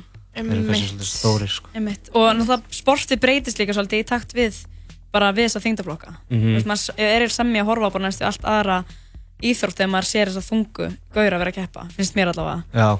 Um, þarna, en bara svona aðeins til að byrja, af hverju fórstu að æfa MMA? Uh, það er góð spurning sko, ég var alltaf þegar ég var lítill, þá var ég alltaf svona að horfa á bardaði íþróttir, ninja myndir. Mhm. og vilti alltaf þegar ég var lítill alltaf, alltaf vera ninja sko. Og það tókst, nei, svo, þannig að já, ég svona bara var alltaf að horfa á, þú veist, kannski í box eða var í sjónvarpinu, þú veist, ég var að æfa fótbolta og það var fótbolta á þessari stöðu og box á þessari, þá vildi ég frekar horfa á boxið Mhm. og síðan sá ég ömulega bíómynd sem ég var skeðveik á sínum tíma þegar ég var í 8. bekk sem heitir Never Back Down Ok. sem er svona MMA mynd Ok. og einhver svona í hana college, einhverju strákar eitthvað Mhm. og ég var bara hvað er þetta var með vinum mínum og við googluðum MMA á Íslandi og þá sáum við eitthvað mjölni og eitthvað þetta var þú veist 2009 eða eitthvað Mhm. Þú búin að æfa síðan þá? já ég byrjaði 2010 já Hvað ertu gamall? uh, 24 Ok. Búin að æfa þetta lengi. já Þannig að hvernig finnst þér að vera að byrja að keppa í svona próbardöfum? Uh, það er geggjað sko, mér finnst ég allan að vera tilbúin í það, ég keppti náttúrulega fyrsta próbardaða með við gæja sem var búinn að keppa einhverja 6-7 bardaða, Já. vann hann, veist, ég, búinn, ég æfi með prófæturum, þú veist, bæði á Íslandi og úti. Þú veist, ég var alveg tilbúin, ég var búinn að vera amatör, þú veist, að keppa í áhugamanna börnum, Mhm. alveg í, veist, 2013 Mhm. keppti ég til fyrst, ég tók alveg 11 bardaða, Mhm. já, þannig ég keppti fyrsta pró 2017. Einmitt. Og finnst þér samt ekki líka að vera mikilvægt að vera búin einmitt að taka þessa 11 amatúr barda áður Jú, þú fórst í þú vilt próf? ekki fara beint í pró sko. Mm-mm. Það var gert, þú veist, þegar Gunni byrjaði að keppa þá var eiginlega ekkert amatör en þú veist, þarna núna þá viltu taka amatör áður að ferja í pró Einmitt. En núna eru nokkri dagar í fæt, hvað, Mhm. þrýr dagar? Já, þrír dagar Um, hvernig ertu að undirbúa þig núna? Þú veist, ég veit þú ert búin að vera að förkum undirbúning og einhver plani núna síðustu daga og vikur Mhm. en þegar svona stutt í barda, hvað ertu þá að gera? Ég er bara að taka svona létt núna þessa vikuna sérstaklega þá er ég bara að taka patsa með ról, þá er ég að kýla svona í púða sem að gæra að halda og ég er bara svona að tegja aðeins að jogga, liðka mig, reyna að ná þú veist, bara aðeins að svitna til þess að ná líka komast í þyngd sko. Já, einmitt, en ég vil ekki gera of mikið sko. Einmitt. En þá líka kannski, hvernig ertu að undirbúa bara hausinn og hugafarið? Uh, þá, ég er svona fyrir stundum í jóka eða er að huglega en yfirleitt er ég bara svona að reyna að visulæsa þú veist bardaðan þegar ég er á æfingum Mhm. og svona oft þegar ég er bara að keira þá kemur bara bardaðan upp í hausin á mér ég er bara, Mhm. ah, þú veist, kemur svona smá stress en þá byrja ég bara svona, þú veist, ímynda með bardaðan Nákvæmlega En ertu búin að googla hennan gaur sem þú ert að keppa þig? Herru, já, hann, hann, hann er búinn með einhverja, hann er búinn með einn próbardaða Mhm. hann er búinn með alveg nokkra amatör hann lendi í öðru sæti á heimsmeistarmótinu í amatör Ok þannig að hann er alveg hann er ágættur sko, alltaf það sem ég er búinn að sjá en ég er alltaf að fara á skólan sko. En hvernig hérna bardaðamaður ertu? Ertu betri, þú veist, viltu við komast neyra í gólfið eða? uh, ég reyna að vera sko, það er best í þessu sporti að vera eins góður og getur allstaðar þú Mhm. vilt ekki vera bara, að ég get ekki neitt standi en ég verða að ná þessu niður eða öfugt þannig að þú vilt vera, ég reyna að vera bara eins góður og get standandi og í gólfinu og þú veist, ég veit ekki alveg hvort ég er betri í gólfinu eða standandi Mhm. en ég veit bara, ég er allan það sem ég er búinn að sjá honum að ég er betur en hann allstaðar í gólfinu standandi, þú veist, ég ef ég vil taka niður þá ætla ég að taka niður ef hann tekur mig niður þá er það bara alltaf læg, þú veist það verður bara fínt. Það verður bara þannig. Það verður bara þannig. Það verður að fara svo leiðis. Þú verður bara að vinna úr þessu. Þetta er svolítið þannig sport. Maður þarf svolítið að vera er smá svona improv. Þú vilt vera bara er reddi eitthvað allstaðar. Í smá spuna þarna. Ok. Þetta er ekki. Ertu komið með svona, ertu með svona inngöngulag? Uh, já. Ég, Hvað ertu búin að velja þér? Ég er sko svo búinn að stela alltaf gæðunum sem var heavyweight champ Ok. sem að er með, það er með Drake og Lil Wayne Mhm. Þetta er Right Above It Ah, ok. Þá right eins og svona, Rétt, já já þannig, ok. Já, mig Ok, sem- ok. Og, og ætlar að halda þig þetta lag núna á laugardaginn? Já En hvenar er þessi bardagur? Hvernig er ekkert að horfa á hann? Herðu já, það er hægt að horfa á hann uh, Þetta er á laugadaginn Þetta byrjar 6 í Finnlandi sem því þetta byrjar 3 hérna Mhm. og ég er fyrsti fætt Ok. sem er geðveikt, ég hef aldrei fengið að vera fyrsti fætt en þá bara getum að drifja þetta af og þá hérna þeir eru með stream og það sjó heitir Cage MMA Mhm. Finnland þeir eru bara, þú veist, ef fara á Facebook eða Instagram þá erum við linka á það og ég mun vera að posta linka á Instagram, Facebook, alls þar Mhm. geggjað Mhm. Pétur Marin og pottit með eitthvað enn á MMA Pétur fréttir hann er, já, hann er með þess að búin að posta link sko. Já, ég er ekki eins og búin að það sko. en ég held að það sé ekkert annað en stöðun en að hlusta á þetta inngöngulag á, þó svo meðan að þetta lag er í gangi þá ertu að vera að labba hérna út Já, það er en þú getur ég hugsað út að það, út í bíl og, og þú ert þarna ég passa mig alltaf að heyra það ekki sko. eða, viltu ekki að ég spila? Jú, máttu alveg okay, spila. okay. en Bjarki, þarna, ég er mjög spennt að fylgjast með Snilld. og ég verði hérna eh, fyrir fram skjáin og reyna að horfa og reyna að hvetja og, og þú heyrir ekkert í okkur Íslandingunum en Já. ég vona að það gangi mjög vel og vona bara á rústir honum um, við ætlum bara að fá að hlusta á það lag. Right Above It, Lil Wayne og Drake Kane is in the building.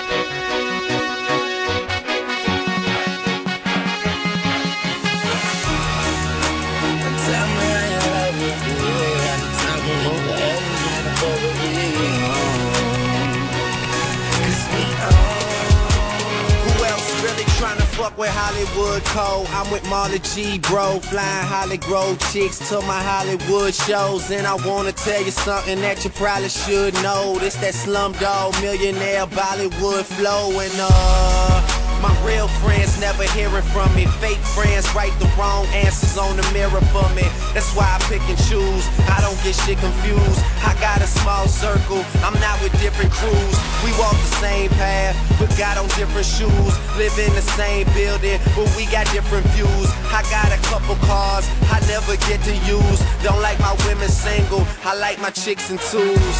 And these days, all the girls is down the road. I hit the strip club and all them bitches find a pole. Plus, I've been sipping, so this shit is moving kinda slow. Just tell my girl to tell a friend that it's time to go.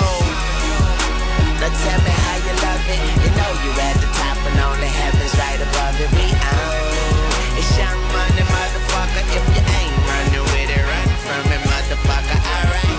Now somebody show some money in this bitch. And I got my bees with me like some honey in this bitch. You dig? I got my gun in my boot purse and I don't bust back because I. Meet me on the fresh train. Yes, I'm in the building. You just on the list of guest names. And all of my riders do not give a fuck. X games. Guns turn you boys into pussies. Sex change.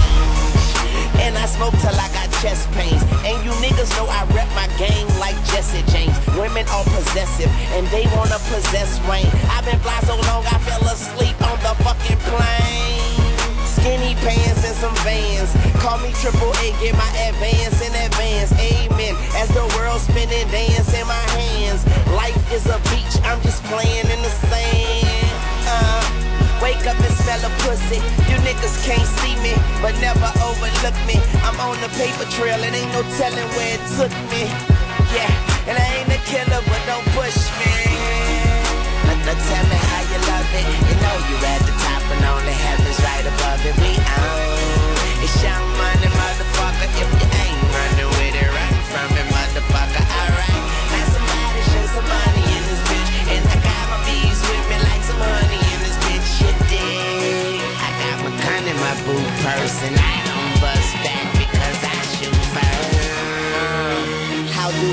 was never said? Beautiful black woman, I bet that bitch look better red. Limping off tour cause I made more off my second leg. Motherfucking Birdman Jr., 11th grade. Ball on automatic start. I can hand it to Drake or do a quarterback draw.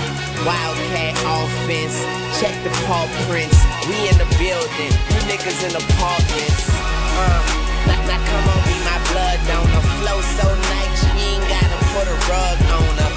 Do it big and let the small fall under that. Damn, where you stumble at? From where they make gumbo at? Hang got the fucking beat jumping like a jumping jack. And you know me, I get on this bitch and have a heart attack. Hip hop, I'm the heart of that. Nigga, nothing short of that. President Carter, young money Democrat. Uh, now tell me how you love it. You know you at the top and on the heavens right above it.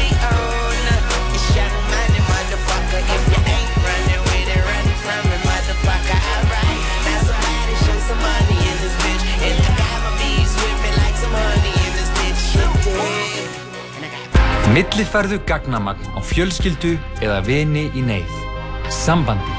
Símafélag framtíðarinnar. Hei, vantar þig smið? 770 60 33 Eða bara Facebook Samsmiða Af því að mægin á skilið eitthvað gott Serrano Fresh, happy, max Þú getur hlusta á alla þættina af Tala Saman á Spotify. Allt það sem ég var, það sem ég var. Segir til en það er ég er í dag. Og ég breytist eins og tíminn arðan þó ekki í mig. Og baby keirast að Allt það sem ég var, það sem ég var. Segir til en það. Fokast upp en hvað þetta gerast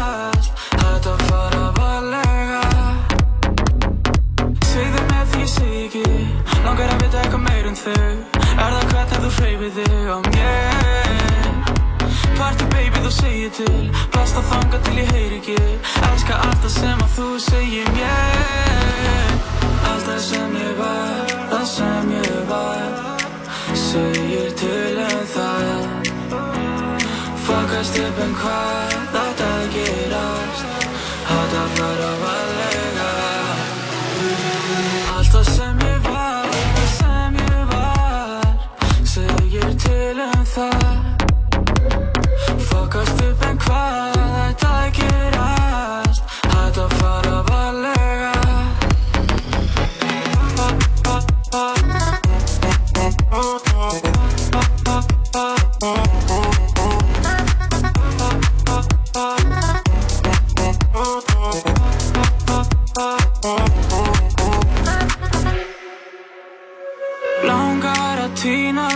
til, langar að týnast til þín eitthvað sem grípur mig En ég finn ekki fyrir. Langar að lifa til að gera það sem ég sýnist eitthvað sem grípur mig Fyrir allt það sem ég var,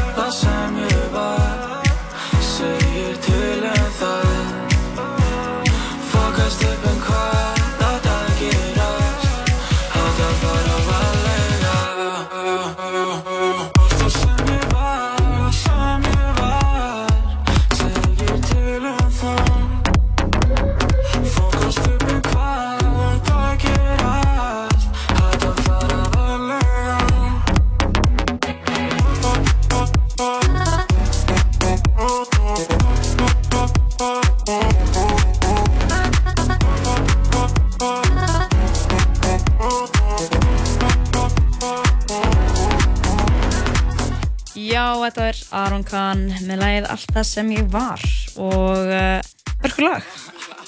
Smá svona sumar væp í þessu. Já, þetta er gott lag. Þó svo það hefur komið út svona, já, svolítið sent í sumar, eða ekki? Þetta kom út svona mitt sumar, það ekki? Mitt sumar. En við Um, vorum að kveðja Bjark Ómarsson sem er eh, einnig þekkt sem Bjarki the Kid og er MMA kappi og er einmitt að fara að keppa um helgina í MMA út í Finnlandi og það verður, já, spennandi að horfa á það. Það er mjög spennandi að horfa á MMA bardaga. Mhm. Það er mjög erfitt. Mhm. Klálega. Þannig að það, um. Fólk að slást, skilur slást það er frekar mikið, sko. Já, mikið að slást. Intense, sko. Þetta er svona eiginlega bara, þú veist, þú ætti að reyna að drepa þennan mann eða konu eða þess að- en aðala Drepa? en ekki drepa hann samt. Samt reyna að drepa, bara rota eða skilur skilur, fólk er að rota, fólk er að rota kirkja. það er það ég er er ekki sérfræðingur í hella, sko. En, það er ekki fyrir alla en þetta er um, já, getur verið fínt fyrir suma að horfa ég var til að fara í MMA barða við Mike Pence Já, ég var til að horfa Hann- það. Ég myndi borga mikið pening hann myndi ekki það. vinna Nei, hann myndi ekki vinna. því ég myndi stinga puttanum í augun er það bannað? það má alls ekki meinar þau? Akkur má það ekki? Þú mátt kirkja, akkur má þú ekki pota fast í auga? að þið út að nota alls konar út að nota alls konar þú veist um, tækni eins og eitthvað svona tök Má ég taka olbóðskot í barkakýlið? Gudung já, virkulega já, uh, ef þú kemst einhvern veginn í þá stöðu sko. En má ég líka sparka fast í pungin? uh, ég veit ekki alveg með það ég held að það megi ekki Mér finnst það ekki- svolítið svona yfir svona Mér finnst það að vera cop-out að leifa það ekki, sko.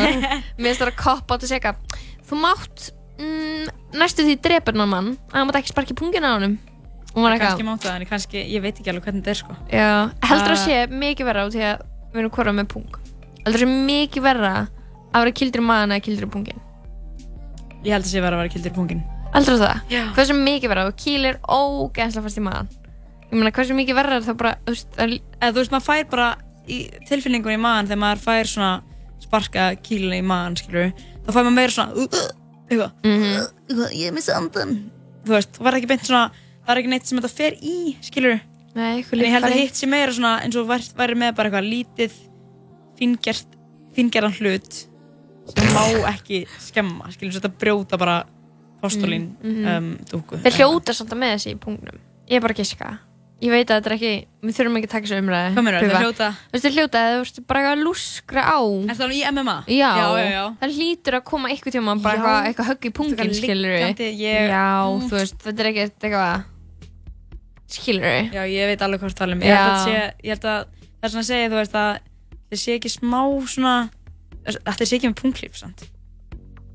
Jú, örugglega. tilbúnir, Jú, skilur, ég held jú, að það, já. klálega með punktlíf, sko. Allavega, þetta eru stóru spurningarnar. Já, ég menn þetta er engin leið fyrir okkur að vita þetta, þannig að þetta er bara svona vangaveltur. Þetta er svona svipað eins og þú veist, maður tói hár þá eða ert að keppa mót einhver sem er mikið hár eins og í stelpubartöfum. Eru þær ekki alltaf með tagla? Það eru með bara flettur og tagla og Já, já, já, hvað er já. miklu auðveldar að tóa bara í fletturnar, skilur Já, nokkulega, þú veist, bara með auka, bara svona band, Bara eða með skilur auka útlim, skilur Einmitt. Já. Mjóan útlim. Þetta er sem mjög, mjög mjóan útlim. Þetta er búið að vera uh, stúdfullu þáttur í okkur í dag. Já. Virkilega gaman. Þetta er, þetta er, ég veit ekki hvernig það gerist, en því þetta eru menninga miðugudagar hjá okkur, svona lúmst. Mm. Og þeir verða veginn alltaf bara óvart þannig. Mm, ákvarðat, Snorri Ásmunds, myndlistamæður, listamæður Jóka, að, kvöllunar, ég var að, ég var að renna þessi yfir það sem Snorri hefur gert við svona bauðsinn svona fram sem formann sjálfstæðisflokksins. Sjálfstæðisflokksins? Já, veistu hvað hann sagði? Þannig að ég er með gott kvóti hann sko. Um, hann var sem sagt, hann, ger, hann líka bauð sig fram í fórstakostingum sko á móti Ólaður Ragnar Grímsson, Grímsinni 2004.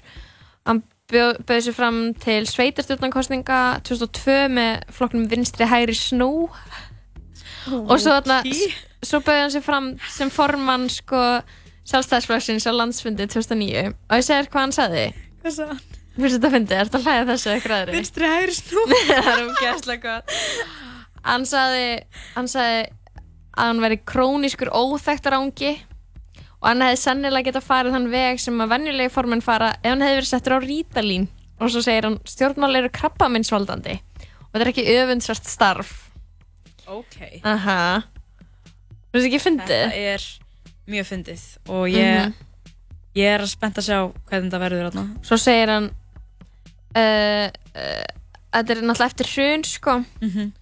um, Sjálfstæðisflokkurinn hef- hefur ekki viðkjönd mistök sín talað um raunveruleika hróka og svo segir hann ég vona að fulltrúar á flokkstingi hafði hann þroska til að venja mig sem formann pældi hvað samfélagið okkar væri gott ef að Snorri Ásmundsson væri núna í ráðunni í, í ríkistjórn með Katrín Jak Já. þú veist, bara búin að, hann hefði bara ekki, Bjarni Ben hefði ekki unnið heldur Snorri Já. og aðna, það hefði Og við gerst værum, við værum öll núna bara á leiðinni í sko Jóka, Sana ban, og Sana það væri sko, þá væri þetta í gerfugrashöllinni skilja því að væri allir þar Já, já, já. Það væri bara, það væri bara uh, fjöldasamkoma til heiðurs fórsetisráðara Snorra Ásmundsinni Sana Balana samkoma. Sana Balana eins Við og værum Ragnhildur Rey. tölvöst öðruvísi í þjóðfélag Get ég myndað Já, mér. Ætli við hefðum tekið á móti Mike Pence þá- Nei, hann hefði bara kom, hann hefði kom út úr vélinni sinni Snorri Ásmunds hefði mætt gefa honum olbúa skot í barkakýlið. Og, Og Mike í Pence hefði bara já, tekið klóna í augun gedung, inn, skilur og bara sendt hann aftur heim. Það hefði verið mun betra í raun. Já? Eh, Það er, já, kannski bara, það hefði kannski bara verið flott. Já, einmitt. Live streama þessu og allir hefði verið að horfa. Já, það hefði verið gett Mér finnst mjög fyndið svona live streams áðan. Það var bara live stream og bara fólk er að horfa á hann lappa úr flugvill Já. Og horfa á alla bílana að keira fram hjá og bara flugvillinu þú veist það er ekkert að gerast. Bara is this content? Já, Allavega. livestream er alveg mjög gott content sko. Já, en bara, þú veist, og fólk er bara að býða bara spennt. Við, við þurfum að fara í eitthvað svona fjölmennarfræði áfunga um fucking livestream Já, ég, ég kannski fer, skrifa bara B, hérna, B-ritgerðan um livestreams En sko uh, Hvað er svona skemmtilegt við livestream? Líka eins og um daginn þá var uh, livestream á hérna einhverjum svona stromp strampi á Akarnesi sem átt að fjarlæga Nei. Og hann, er, hann var, þú veist, 100 metra hár eða eitthvað ógeðslega stór. Ok, þá skil ég það. Og Þegar þú sagði strompur þá hugsa ég um lítið ég- Þetta heitir eitthvað annað en þetta er svona, þetta var eitthvað sem búið að vera þarna gett lengi þetta var svona iconic strompur, ég kallar þetta strompa því að ég veit bara að það var eitthvað svona dót sem Ok. okay. kemur eitthvað upp úr á topnum okay. og það var bara livestream bara um, því miður kemur svona komment að livestream því miður þurfti að fresta þessu aðeins að þetta var sprengjan, þú veist, að ofan og að neðan. Og ég var bara inn á síðunni að horfa, að býða Býð eftir að, að strompurum myndi springa. Bara þetta var gert klann þrjú í dag. Nei, afsakið, þetta var gert klann fjögur og maður er bara, ah, svo datt ég akkurat inn þetta var að gerast og þetta var frekar, það var frekar cool sko. Ok, ég trúi þér alveg sko. cool en það hljómar núna. Nei, ég trúi þér alveg. En já, við erum búin að taka móti fullt af gestum í dag. Við byrjum að fá hana Guðni Ljósbrá til okkar sem er að skipleggja og peppa Oktoberfest sem fer fram núna um helgina og byrjar á morgun. Já, Jón Gnarr Uh, talaði um kvöldökunar sínar. Sagði okkur sögu sem var mjög furðuleg þegar hann hitti mann sem hafði hitt Hitler og tekið spana Hitler. Og líkt þeim saman. Já, líkti þeim saman og þetta var gerst allt í Vesturbæðalauginni, ótrúlegt en satt. Um, the place to be. Fengum Snorra Ásmunds til okkar til að tala um enn viðbjörn sem Master að- Hilarion, öðru nafni. Já, uh, og hann verður með þetta jóka en hann jóka viðburð á hvað lögadaginn í Elsvell Mhm. og svo fengum við Bjarka Ómars til að já, segja okkur hans frá bardaganum sem hann er að fara að keppa núna á lögadaginn líka. Það er nóg að gerast um helgina. Það er svo mikið að gera spipa nóg að gerast í menningarlífinu. Ég er alveg komin í, ég veit að skrítið en ég er svona alveg að þetta í fyrsta skýrin sko. Er alltaf mínir fyrstur á morgun. Það er sko, við, við, við veist alltaf hvernig þetta er. Það er freakend á 50 miðgudagar, það er freakend það var smá þýðir? fríkjá það var smá frík eða þú ert komin í helgagir á miðgudagum Já, Það já ég, ég er frík, já. Þú ert fríkjá þú hérna, þetta er náttúrulega upp á slæði þitt eða ekki? Mm, Jú, þetta eru bara slæm Getum við spila? ég er að kjúa þetta hérna. en uh, Besti minn. Uh, Lóa, svona áður en við slúttum þá langum við bara að þakka þér kærlega fyrir daginn. Herru, takk fyrir daginn. Og Jó erum komið nýja hefð þegar við endum tala saman. Já. Ok að segja alltaf eitthvað gett ljótt um hvort annað. Nei, nei, nei, við gerum það líka. En þannig að við gerum svona eitthvað. Ok, já, get, það var einslegt að vera með þér hérna í dag, Bubba. Um? Njóttu kvöldsins, eitthvað. Og þú, kæri hlustandi, takk fyrir samfélgina Og góða nótt. Og góða nótt. Og svo bara lag, skilur Já, ok. Út af því að við segjum bara Já, það er að Það er svo gáfulegt að fara snemmi í hátinn. Einmitt. Og bara góða nótt. Ert þú að fara beint heim bara að sofa eftir þetta? Nei, ég er bara beint heim að borða. Einmitt, þú búin að tala mikið um mat. Hvað, að- hvað hérna, ok, ég er alltaf ekki að fara að sofa. Ætla þú að bjóða góða nótt bara? Já, já, já, við ætlum bara, þú veist, fyrir þá sem ætla ef, að gera það. Við Se, Ok, bara þegar segjum, segjum blessu hverjaðara og, og Ok, hérna, Lóa, það var bara ótrúlega gaman að vera með þér í dag eins og allar daga Sumleðis, þú ert alltaf mikið snild. Og þú ert bara frábær.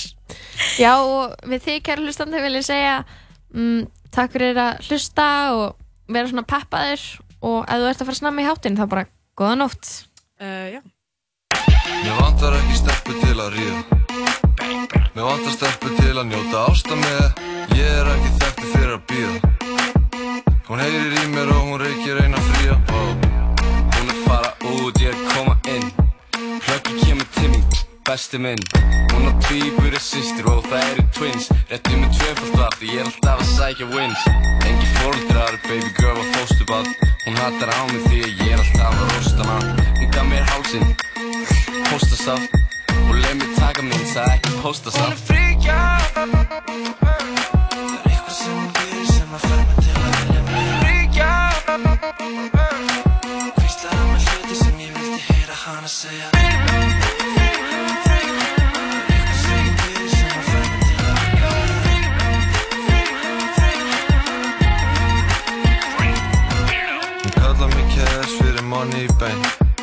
Hún kallar þig cash fyrir casual.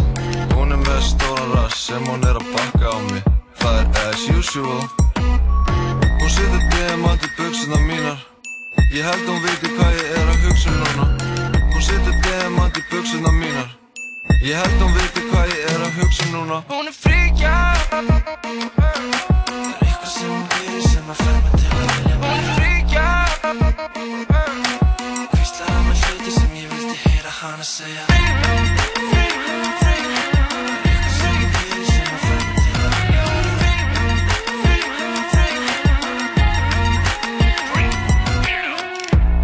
Baby hvað erstu ég er að leita þér. Velkomin í klubin ég á heima hér. Hún kann að dansa svo ég þóra veðnum lein og sér. Ég fíla margætt svo það er ekki bara ein á mér. Það kom að beðgjali til minn Ég er halvið ég býð ekki upp á búinn mín Eitthvað weird shit, set hana í búnin Ég er með vatn og marga klaka Double cup, ég spotta hana inn á klubnum upp, hún fíla líka vini mína Miles Club, og ég virði það svo mikið. Ég ætla að koma mér, ég ætla að chilla. Ég er bara leaf in the stream of creation núna sko. The wind has me now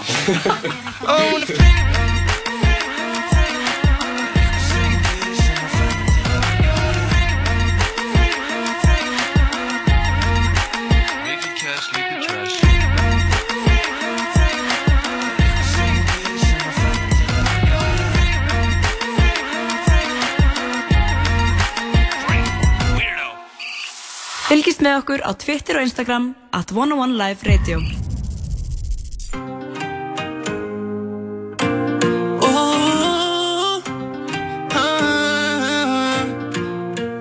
Shawty in love with this shit. Stack it gasser det racks på min bitch. Brukte shit lapper på Gucci my jeans. Löper ju 130 little bitch for my dogs and this shit. Ja hallå,